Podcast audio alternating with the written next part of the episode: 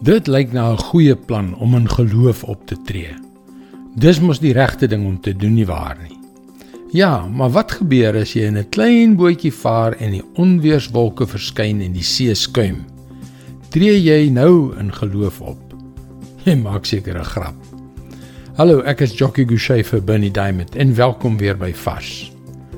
Jy ken seker die verhaal van die disippels wat een nag tydens 'n storm in 'n boot onkant gevang was. Die arme manne was oorweldig deur die gevaarlike branders en bang dat hulle gaan verdrink. Maar toe kom Jesus vroeg die volgende oggend op die water na hulle toe aangestap. Petrus vra Jesus om hom te beveel om uit die boot te klim en na hom toe te stap. Toe Jesus dit doen, neem Petrus een van die grootste geloofstappe wat jy ooit in die Bybel sal kry. Hy klim te midde van hierdie ewige storm uit die boot om saam met Jesus op die water te loop. Dis darm vir jou geloof wat jy nie aldag kry nie. Matteus 14 vers 30 en 31. Maar toe Petrus sien hoe sterk is die wind, het hy bang geword en begin sink en uitgeroep: "Here, red my!"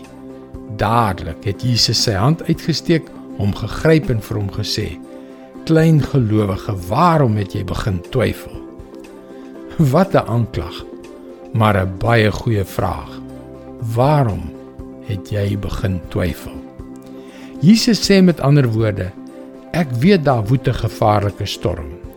Ek weet dat jy 'n baie dapper ding doen deur op die water te loop.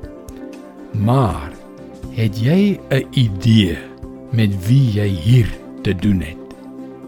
Dit is wat Jesus eintlik gesê het. En natuurlik het hy dadelik vir Petrus gegryp hom gered en die storm laat bedaar.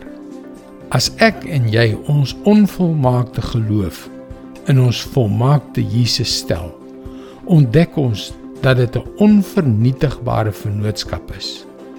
Omdat Jesus altyd altyd ons geloof, hoe klein dit ook al mag wees, eer.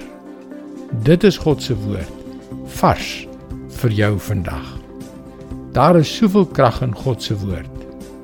Stuur enige gebedsversoeke na ons gebedsspan by varsvandag.co.za waar jy daagliks vars boodskappe kan kry. Mooi loop en luister weer môre na jou gunstelingstasie.